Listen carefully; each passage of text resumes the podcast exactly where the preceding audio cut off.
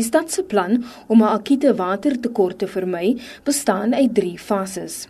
Fase 1 is tans van krag. Die burgemeester, Patricia de Lille, sê in fase 1 word die waterverbruik beperk deur die waterdruk binne die munisipaliteit te verminder. Die stad het ook begin om waterbesparingstoestelle by die wonings van hoë waterverbruikers te installeer. De Lille sê die proses vorder goed. Die oprigting van vier waterontsoutingsaanlegte vorm ook deel van fase 1.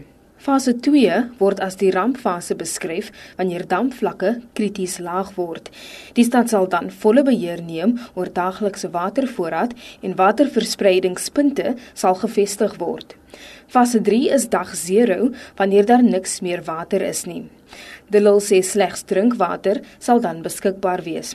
Sy verduidelik wat tydens daardie twee fases sal gebeur. Residents will then be able to collect water at a predefined quantity of drinking water per person per day from these collection sites. Now, during this phase, the city would more actively assume control over the daily water supply. And I must emphasize that a disaster and extreme disaster phases two and three can be avoided Terwyl sê die stad se eerste ontsoutingsaanleg sal waarskynlik teen die einde van die jaar in werking tree. We are expecting that the first water desalination will come online approximately December 2017 and also in January 2018 if all goes according to plan. And other new sources of water will come online at various stages.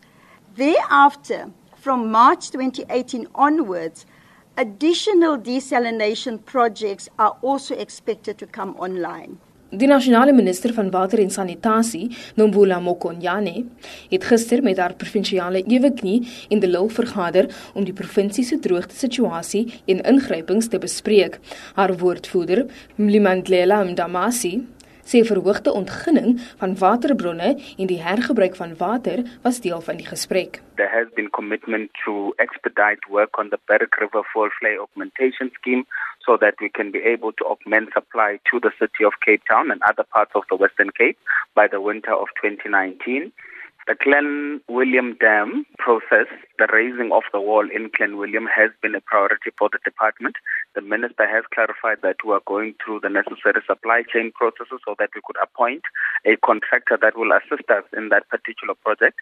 Die nasionale departement het intussen 'n verdere 20% waterbeperking op huishoudelike en landbougebruik in die staatskoerant geplaas. Dit verhoog die beperkings op huishoudelike gebruik tot 40% en vir landbou tot 50%. Die stad sê om hierdie doelwitte te bereik, moet die daaglikse kollektiewe gebruik in die stad tot 500 miljoen liter per dag beperk word. Dit is tans op 618 miljoen liter per dag. Inwoners word weer gevra om die daaglikse beperking van 87 liter per dag per persoon te handhaaf. Ek is Lynn Arendse in Kaapstad.